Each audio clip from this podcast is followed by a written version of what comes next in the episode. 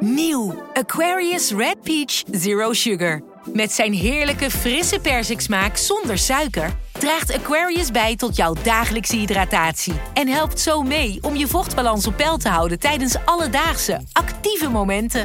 Thuis, op het werk of onderweg. Ook verkrijgbaar in smaken lemon en orange. Probeer hem nu. Vanaf de redactie van NRC het verhaal van vandaag. Mijn naam is Thomas Ruip.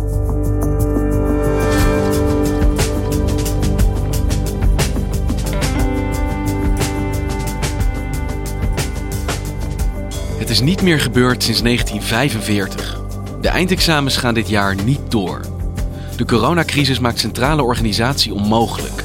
En dat is ingrijpender dan alleen geen volle gymzalen en examenfeestjes, ziet onderwijsredacteur Mirjam Remy. Dit beïnvloedt een hele generatie. En misschien wel de keuzes en de kansen die zij gaan krijgen.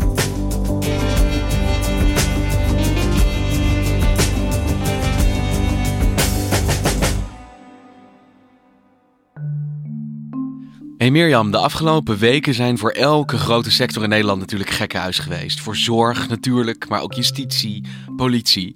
En jij bent onze onderwijsredacteur. Hoe zijn de afgelopen weken voor jou geweest? Ja, je zegt afgelopen weken, maar het, het voelt eigenlijk alsof dit al, nou ja, meer dan een maand gaande is. Ik ben zelf ook, nou ja, totaal mijn besef van tijd kwijtgeraakt eigenlijk. Er is gigantisch veel gebeurd en de gebeurtenissen hebben elkaar in heel groot tempo eigenlijk steeds opgevolgd. Dus ik ben al een paar weken nou ja, thuis natuurlijk, net als de rest van Nederland. Van achter mijn bureau ja, heel veel in contact met uh, directeuren, leraren, scholen. Ja, ik ben eigenlijk continu aan het bellen met uh, mijn collega Patricia Veldhuis, uh, met wie ik over onderwijs schrijf. Er zijn best wel wat dingen besloten uh, van het, vanuit het kabinet de afgelopen weken, die natuurlijk heel veel invloed hebben op, op het onderwijs. Maar die kwamen steeds nadat het onderwijs soort van daarop vroeg, of dat de, de druk uh, verhoogd werd. En dus het onderwijs was eigenlijk steeds net een stapje eerder. Dat zag je al de eerste persconferentie, uh, of in ieder geval de persconferentie waarin Rutte aankondigde van, nou ja, vanaf nu uh, moeten alle Nederlanders thuiswerken. Um, en wordt gevraagd om iedereen met neusverkoudheid of lichte klachten al thuis te blijven. Uh, dat was donderdag 12 maart. En toen werd er ook gezegd, maar de scholen blijven open. En dat zorgde toen al direct voor best veel verwarring bij leraren, maar ook bij ouders. En toen, um, uh, nou, toen is dat weekend, uh, is, is eigenlijk het hele weekend de druk opgevoerd. Onderwijsorganisaties hebben overlegd met de minister. En ondertussen lieten leraren en schooldirecteuren ook wel heel erg van zich horen. Uh, ze lieten hun zorgen merken. En toen op zondag kwam dan het besluit: we gaan de scholen toch dicht doen. En de afgelopen dagen is duidelijk geworden dat met name veel scholen er niet in slagen hun scholen ook fysiek open te houden. Onder andere vanwege het feit dat ook veel onderwijspersoneel thuis zit, ziek is. En het daardoor niet meer goed ook organiseerbaar is. En dat ook er veiligheidsrisico's in de school kunnen ontstaan. En je zou denken van, nou ja, dan gaan de scholen dicht uh, tot 6 april.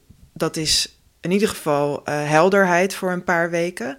Maar er hing toen nog één vraag in de lucht... waar Slop die zondag geen antwoord op gaf. En dat was uh, hoe het moest met de schoolexamens en de examenkandidaten. Dus middelbare scholen hadden soms nou, de volgende dag, de dag dat ze dus opeens dicht moesten, uh, schoolexamenweek gepland, toetsweek. En die hebben dat tot nader order afgezegd. En die zeiden van ja, we moeten afwachten tot we daar bericht over krijgen. En toen die dinsdag, ook geloof ik rond het eind van de middag, kwam dan uh, het verlossende woord van Sloep. En de scholen in het voortgezet onderwijs gaan weer open. Dat wil zeggen voor leerlingen die examen moeten doen. Ze moeten wel anderhalve meter afstand houden van elkaar. Het is de bedoeling dat alle leerlingen dit jaar gewoon eindexamen kunnen doen.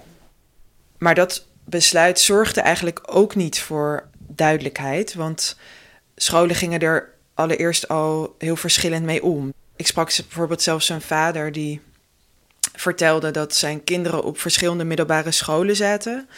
Uh, hij woont in de buurt van Uden, de grootste brandhaard van Nederland. Brabant. En Brabant. En de ene school van zijn kinderen die zei: uh, we stoppen met de schoolexamens, want het is onveilig. En de andere school zei: we gaan door. Ja, dus dat, ja, waarom zou het op de ene school wel veilig zijn en op de andere school niet? Ja. Uh, dus ja, mensen waren daar heel erg bezorgd over uit het onderwijs. Uh, sommige leraren durfden niet te surveilleren. En intussen, uh, er werd bijvoorbeeld een, inmiddels ook een petitie werd er opgezet. Die petitie was een oproep om te stoppen met de centrale eindexamens. En die, nou, die is toen in een paar dagen tijd, in amper een week tijd, is die wel 23.000 keer ondertekend. De VO-raad roept minister Slop op om de schoolexamens en het centraal examen te schrappen. Ze willen zo snel mogelijk duidelijkheid van de minister. Uh, schort die schoolexamens op. Ja, als het kan morgen, eh, desnoods overmorgen. En we willen echt spoed over. Want is dat een beetje het patroon dat zich de hele tijd herhaalt? Het kabinet kondigt maatregelen aan om de epidemie te beperken. En vervolgens ontstaat er paniek in het onderwijs omdat eigenlijk niemand zeker weet waar ze nu aan toe zijn. Ja, scholen zeiden ook wel soms van we hebben het gevoel dat we een beetje RIVM'tje moeten spelen eigenlijk. Want er wordt zoveel nu bij onszelf gelaten. En dat brengt me bij de centrale examens. Intussen, afgelopen week, werd de druk ja, ook weer heel hoog om iets te doen met die schoolexamens en die eindexamens. Zorg dat er heel erg veel druk is komen te staan op de afronding van die schoolexamens. Uh, en dat nou ja, bereikte dus afgelopen uh, dinsdagochtend uiteindelijk werd duidelijk uh, wat daar de beslissing in werd. En dat was dus de hele drastische beslissing om de centrale eindexamens niet door te laten gaan. Leerlingen krijgen bij voldoende afronding van het examenjaar een volwaardig diploma om de overstap ook naar het vervolgonderwijs te kunnen maken. De eindcijfers zullen bepaald worden op basis van de resultaten van het schoolexamen.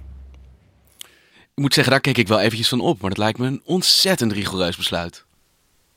Ja, het is heel het is natuurlijk heel heftig voor een hele generatie leerlingen. Het zijn er meestal zo'n 200.000 die al heel lang toewerken naar dat examen. Wat is dit eerder gebeurd? Ik denk dat, ja, ik denk dat het slechts één keer eerder is gebeurd. Dat was in uh, eh, 1945, het laatste jaar van de Tweede Wereldoorlog. Want je hoort de hele tijd die vergelijking getrokken eigenlijk met een oorlogssituatie. Maar die parallel gaat voor het onderwijs dus eigenlijk gewoon heel direct op. Ja, wat dit voorbeeld betreft wel. Maar ja, het is natuurlijk ook een heel gekke situatie. Want het voelt natuurlijk niet als oorlog. En uh, ja, dat is in een, in, in een toch een, een paar weken tijd uh, zijn we hierin beland. En wat betekent dat voor die leerlingen? Want er is wel een hele generatie die dit jaar moet slagen, vermoed ik. Ja, uh, voor die leerlingen betekent dat toch nog steeds wel onduidelijkheid. Want uh, normaal gesproken bestaat de helft van je cijfer uh, bestaat uit schoolexamens en de andere helft bestaat uit de eindexamens. Uh, nou, die eindexamens vallen dus nu weg. En nu heeft de regering gezegd, die, de schoolexamens worden leidend. maar het is ook nog niet bekend wat de regeling wordt om te slagen. Dus Hoeveel voldoendes heb je nodig? Uh, voor welke vakken?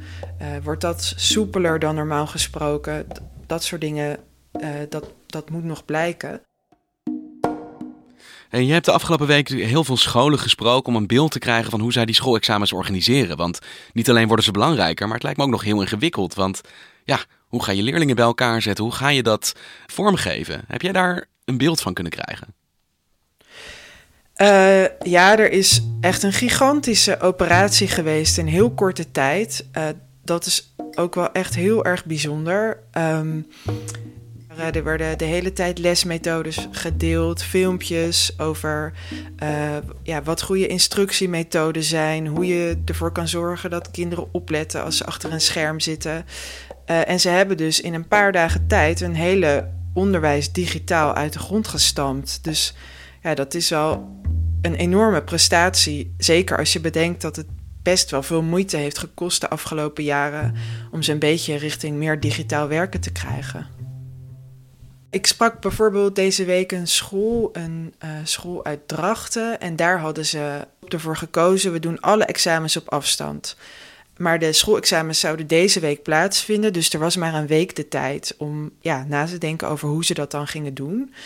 En toen heeft nou ja, alle secties van alle vakken, die zijn toen de uh, schoolexamens om gaan werken tot een soort open boek tentamens. Omdat ja, leerlingen hebben natuurlijk in principe gewoon alles bij de hand als ze thuis zitten. Het internet, om maar iets te noemen. Het internet, maar ook WhatsApp en hun hele klas. Ehm, ja. Ze kunnen natuurlijk gewoon overleggen. En hoe proberen ze dit dan te voorkomen? Dat dit schoolexamens worden waarin de hele klas met elkaar de antwoorden uitwisselt? Door examens op een andere manier vorm te geven. Dus door ander soort vragen te stellen, te letten op uh, de tijd die leerlingen krijgen. Ze hadden, uh, deze school had ook wel verschillende versies gemaakt. Waardoor je dat natuurlijk ook wel uh, een beetje kunt voorkomen. Maar het sleutelwoord in zowel basis- als middelbaar onderwijs is dus digitalisering. Alles moet voor een groot deel in ieder geval via de computer nu. En waren leraren en scholen daar klaar voor? Nou, je ziet best wel een groot verschil tussen scholen. Uh, sommige scholen moesten echt in een paar dagen alles nog opzetten, inventariseren. Welke leerlingen een device hebben, dus een laptop of een tablet. En hoe kun je controleren of mensen op een afstand iets begrijpen. Dus het is best wel complex. Het is een hele nieuwe manier van werken natuurlijk. Ja, je hoort verschillende geluiden. Dus sommige scholen die zeggen van het loopt eigenlijk best wel goed. Maar je hoort toch ook wel dat er ook veel leerlingen zijn die moeite hebben met het maken van opdrachten. En een heel klein groepje leerlingen die, um, ja, die helemaal niets doet. En die ook moeilijk bereikbaar zijn voor docenten. En ik heb ook wel contact af en toe met de, de Nassau in Breda, een scholengemeenschap. Goed, beste mensen. Goedemorgen allemaal. Um, ik open even vast het, het chatvenster. Uh, geef even een teken van leven als je er bent, want ik zie al een aantal meldingen hier. Die waren al heel ver eigenlijk met uh, digitalisering. Dus alle leerlingen hadden sowieso een, uh, nou ja, een, een tablet om op te werken of een laptop. En leraren waren getraind in de programma's, leerlingen waren getraind. Dus zij konden eigenlijk best wel snel van start. Ik zie Olivier, ik zie Kylie, ik zie Sonja, ik zie Brit. Kom maar even door jongens met die meldingen. Dan uh, kijk, ga ik dat straks even naast, uh, naast Som Today leggen. En uh, zij hebben gewoon het, het rooster in stand gehouden. Alleen het is dan iets korter. Dus normaal drie kwartier of zo. En dan nu 35 minuten. En de rest van de tijd kunnen leerlingen chatten. dat, je bent meer aan het doseren dan ik normaal doe. Er zijn allemaal van die werkvormen, maar ik geloof eigenlijk alleen in, in het onderwijs-leergesprek, zoals het heet. Er zit veel vertellen in, maar continu vragen stellen, continu verklaringen zoeken bij die leerlingen. Dit vertelde uh, Paul Lemmens, die op de Nassau werkt in Breda en die geschiedenis geeft aan een 5 VWO-klas. En dat is lastiger op afstand, maar ja, met de middelen die we hebben, ben ik eigenlijk best tevreden in hoe het gaat. En via de chatbox snelle reacties, leerlingen reageren snel, dus ik praat in de microfoon. En dan noem ik ook namen, reageer even, is dit duidelijk? Nou ja, met de middelen die we hebben probeer ik die interactiemodus wel uh, zo groot mogelijk te houden. Open en zichtbaar voor iedereen nu? Dat is, ja. dat is fijn, oké. Okay. Dan zie je, lees maar voor Bas, rode, de rode titel. Oorzaak en gevolg, uh, ismus uit de 19e eeuw. Nou, een eentje hebben we heel uitgebreid al gedaan. We hebben het uitgebreid gehad. Je mag van de micro af, uh, Bas. We hebben het uitgebreid uh, gehad hè, over de, het nationalisme. In hoeverre. Hey, en nu de leerlingen zelf ook thuis zitten, lijkt me dat ook de thuissituatie waar ze in zitten ook ineens heel veel invloed gaat hebben op het onderwijs dat ze krijgen. En ja, hoe ze daarin slagen of niet. Het is natuurlijk heel verschillend van uh, welke nou ja, de thuissituaties van leerlingen. Dus uh, sommige ouders die maken hele schema's en die zijn punctueel. Dus dan staat er bij wijze van spreken uh, om zeven uur opstaan, om half acht ontbijten, om uh, half negen een dansje doen, om uh, tien uur fruithapje, nou, et cetera. Maar dat geldt natuurlijk lang niet voor alle kinderen. dus er zijn ook ja, kinderen die helemaal geen begeleiding krijgen thuis, of kinderen waarvan de ouders geen Nederlands spreken. het zijn natuurlijk ook kinderen voor wie het best wel onveilig is thuis. Dus het zal zeker niet zo zijn dat elk kind nu leert nog los van dat het voor elk kind uh, een prettige tijd is. En wat kunnen daar de gevolgen van zijn voor lange termijn voor leerlingen? Dat, nu zo, dat het zo belangrijk is geworden hoe het er bij hen thuis aan toe gaat? Nou, wat heel spannend gaat worden is, of nou ja, niet eens spannend denk ik, want het zal ongetwijfeld gevolgen hebben op de kansengelijkheid van leerlingen in Nederland. Iedereen wordt natuurlijk in een ander nest geboren. En in het ene nest ben je bevoorrechter dan in het andere. Bijvoorbeeld omdat je ouders jou al heel veel kunnen leren, uh, omdat er veel boeken zijn, je vaak naar musea gaan, uh, je veel kennis krijgt aangereikt al van jongs af aan, terwijl in andere gezinnen uh, dat veel minder zo is.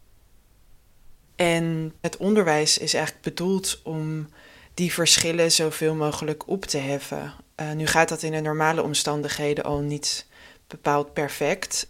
Maar je kunt je voorstellen dat in deze omstandigheden, waarin leerlingen nog afhankelijker zijn van thuis en de verschillen ja, in hun situatie nu de hele dag door groot aanwezig zijn. En het gaat dus verder dan alleen een leerachterstand. Maar je denkt dat deze nieuwe situatie een grotere ongelijkheid kan veroorzaken tussen leerlingen, tussen hun kansen. Ja, dat zit er wel dik in. En dan is het ook nog zo, natuurlijk de eindtoets is uh, afgeschaft. Daar hebben we het nog niet eens over gehad. Maar die gaat dit jaar niet door. En de centrale eindexamens ook niet. Je bedoelt um, de eindtoets van het basisonderwijs? Van het basisonderwijs, dus de, ja, zeg maar de CITO. En dat soort gestandaardiseerde toetsen, dus de eindtoets of uh, de centrale examens, die zijn over het algemeen juist goed voor kansengelijkheid, omdat iedereen dezelfde toets krijgt. Dus uh, voor je beoordeling ben je niet afhankelijk van hoe de leerkracht over jou denkt. Het is uit onderzoek bekend dat juist gestandaardiseerde toetsen ja, voordelig zijn voor leerlingen die misschien vaker lager worden ingeschat door leerkrachten. Ja, we kennen allemaal verhalen van uh, te laag ingeschatte leerlingen die eigenlijk wel het VWO hadden aangekund, maar toch een VMBO-advies kregen. Uh, en juist voor die verhalen is de eindtoets een moment om, ja, om dat op te halen. Maar de, ja, waar de grootste verliezers zitten, zeg maar, dat, dat, dat is in die groepen. Ja, en oneindig veel trivialer. Het is natuurlijk ook voor eindexamenleerlingen ja, iets wat je mist. Een ritueel, een soort rite die iedereen doormaakt, die zij nu moeten overslaan. Ja, dat moet heel ingrijpend zijn. Al. Het is toch een heel, ja, een best wel vormende periode in je leven die je mist. Want niet alleen de examens, natuurlijk ook alles wat erbij hoort. De, de examenreis, de examenfeestjes. Het staat allemaal nu stil. En ik sprak daarover met Tim Masselink, een leerling die in HAVO 5 zit en nu dus geen eindexamen meer hoeft te doen. Maar daarnaast is het hele toneelstukje eromheen nu ook in één keer weggevallen. Dus dat je ergens in juni op een dag zit te wachten op het belletje van je mentor. Ben je wel geslaagd, ben je niet geslaagd? Dat is nu in één keer weggevallen. Uh, misschien gaan een, een, een examengala gaat niet door. Dat gevoel dat je met z'n allen een hele mooie periode van je leven afsluit als het ware. En als je dan in één keer hoort dat dat niet meer doorgaat en dat dat weg is gevallen, dan heb je ook een beetje dat idee van ja, maar wat is nou precies wel het moment waar we naartoe hebben gewerkt dan? Want dat is in principe dat centrale eindexamen. Want hoe deden ze dat in 1945, de vorige keer dat dit gebeurde? Ik weet niet of ze toen al naar Salau gingen. Nee. uh, ik, nou, het, ik, ik zeg maar hoe het sociaal ging, dat weet ik niet. Ik weet alleen dat ze toen dus diploma's kregen. Toen werden ze een soort van uitgedeeld. En de directeur van de school die ondertekende dan een uh, getuigschrift. Uh, samen met de inspecteur die toezicht moest houden op de school waar je op zat. En in hun beoordeling of je dat diploma of dat getuigschrift kreeg, ja of nee, zat dan ook bij uh, inbegrepen hoe je je had gedragen tijdens de Tweede Wereldoorlog. Dus als je fout was, dan, uh, dan kreeg je hem niet. Dus tenzij je gecollaboreerd had, kreeg je in principe gewoon een diploma. Slaagde je? Ja, ja. En hoe is het die generatie zonder eindexamen vergaan? Liepen zij tegen problemen aan in het hoger onderwijs of in hun loopbaan later? Voor zover bekend niet echt. Het Nationaal Onderwijsmuseum in Dordrecht had deze week een kort stukje daarover gemaakt. En uh, er werden leraren waren er nodig een paar jaar later. En toen waren de uh, kandidaten van 1945 wel net zo geliefd en gewild als die van 1946. Dus ze kwamen wel gewoon goed terecht op universiteiten? Ze kwamen wel gewoon, uh, ja, ze kwamen wel gewoon aan de bak. Hey, en maken de leerlingen van deze generatie dit jaar zich nu al zorgen om hun ja, corona-diploma. Een diploma waarvan misschien later wordt gezegd: ja, wat is dat nou precies waard?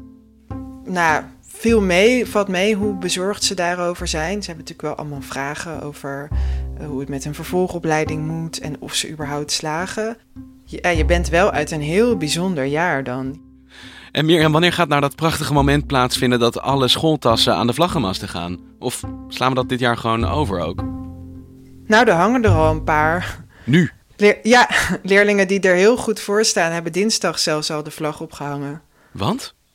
Ja, omdat ze dachten het gaat niet door en ik kan, ik kan niet zakken. Je ziet ze niet veel. Ik moet ook zeggen dat ik niet op heel veel plekken nu ben in het land, maar eh, er hangen er wel al een paar, ja. Dus voor sommige leerlingen zijn- is de buiten al binnen. Precies. Dankjewel, Mirjam. Graag gedaan, Thomas. Je luistert naar vandaag we volgen de ontwikkelingen rond de corona-uitbraak natuurlijk op de voet. Zoals de recente zorg dat de Amerikaanse president Trump beslag zou leggen op beademingsapparatuur van het Nederlandse bedrijf Philips, terwijl de hele wereld kampt met tekorten. Wat zou dat betekenen? Ik bel met technologieredacteur Mark Heijink. Hey Mark, die onrust waar we de hele tijd over horen, over Trump en beademingsapparaten, waar komt dat nou precies vandaan?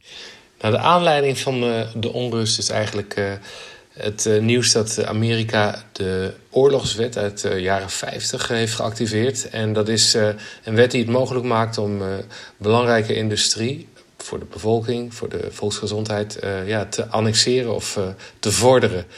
Het Nederlandse bedrijf Philips, dat in Amerika twee fabrieken heeft die beademingsapparatuur maken, was bang dat hun hele productiecapaciteit zeg maar, geannexeerd zou worden. Ja, want als je het hebt over spullen die je nodig hebt op dit moment, dan denk je al snel aan beademers. Ja, dat zijn echt eh, de levensredders eh, op dit moment. Want zij eh, houden ook hele verzwakte patiënten nog in leven. wa- Waardoor ze kunnen vechten tegen het virus in hun lichaam. En ja, met een beademingsapparaat krijg je gewoon langer de tijd om die strijd aan te kunnen. Want zijn er genoeg beademingsapparaten op de wereld op dit moment? Nee, veel te weinig. Eh, de beademingsapparatuur eh, die gebruikt wordt eh, in de, op de intensive care, die wordt normaal in duizendtallen wereldwijd geproduceerd. Ik hoorde van iemand dat er in Europa ongeveer duizend worden uitgeleverd aan, aan ziekenhuizen per jaar normaal. En ja, dat is een vervangingsmarkt. Niet echt een spannend product dus. En wat je nu ziet is dat er wereldwijd opeens een explosieve toename is van de vraag naar dit soort machines. En dat betekent dat het opeens een massaproduct moet gaan worden. En dat, de industrie heeft daar, de medische industrie heeft echt de handen vol aan het eh, opschalen van de productiecapaciteit. En elke vorm van exportbeperking werkt eigenlijk eh, als eh, zand in de machine. Want? Nou, als landen zich gaan bemoeien met eh, wie er eh, gebruik mag maken van bepaalde apparatuur, zou je tegenreacties kunnen oproepen. Namelijk dat andere landen gaan zeggen: nou, als jullie al die onderdelen, of eh, als jullie al die machines gaan, gaan opeisen, dan gaan wij de onderdelen niet meer leveren. En je ziet eigenlijk dat zo'n beadem- beademingsapparaat uit honderden onderdelen bestaat die van de hele wereld komen. En die komen uit Taiwan, uit China, ook uit Europa. En als Amerika zegt: Oké, wij, wij willen alleen die apparaten voor onze eigen bevolking gebruiken, dan loop je dus de kans dat eh, de toeleveranciers zeggen: dan leveren we helemaal geen producten meer. Dan krijg je eigenlijk een soort economische, misschien wel geopolitieke strijd over die beademingsapparaten. Ja, en je ziet eh, hoewel Trump die strijd wel degelijk op andere terreinen voert, bijvoorbeeld tegen China, nu toch eh, eh, wel het besef is doorgedrongen dat als het om de volksgezondheid gaat, dat je juist dan die mondiale samenwerking nodig hebt. En dat je juist moet proberen de, de exportdrempels zo laag mogelijk te houden om een toevoer van, van alle essentiële onderdelen van zo'n beademingsmachine mogelijk te maken. Je ziet dus wel een onderscheid in dat onderdelen, bijvoorbeeld eh, eh, mondkapjes en zo, dat, die worden wel geannexeerd. Maar echt complexe machines, zoals beademingsapparaten, daar zijn ze toch terughoudend mee. Dankjewel, Mark. Graag gedaan. We leven in hectische tijden. Je kunt rekenen op NRC voor betrouwbare informatie, nieuws, duiding en analyse. En we kunnen dat alleen blijven doen dankzij onze abonnees. Dankzij jullie. Heb je nog geen abonnement? Kijk dan voor een aanbieding op nrc.nl/slash podcastabonnement. Vandaag wordt gemaakt door Mirjam van Zuidam, Henk Ruigrok van der Werven, Tessa Kolen, Ido Havinga, Julie Blusset, Jan-Paul de Bond, Ruben Pest, Felicia Alberding, Jeppe van Kesteren en Jennifer Patterson. De muziek die je hoort is van Rufus van Baardwijk. Dit was vandaag, maandag weer.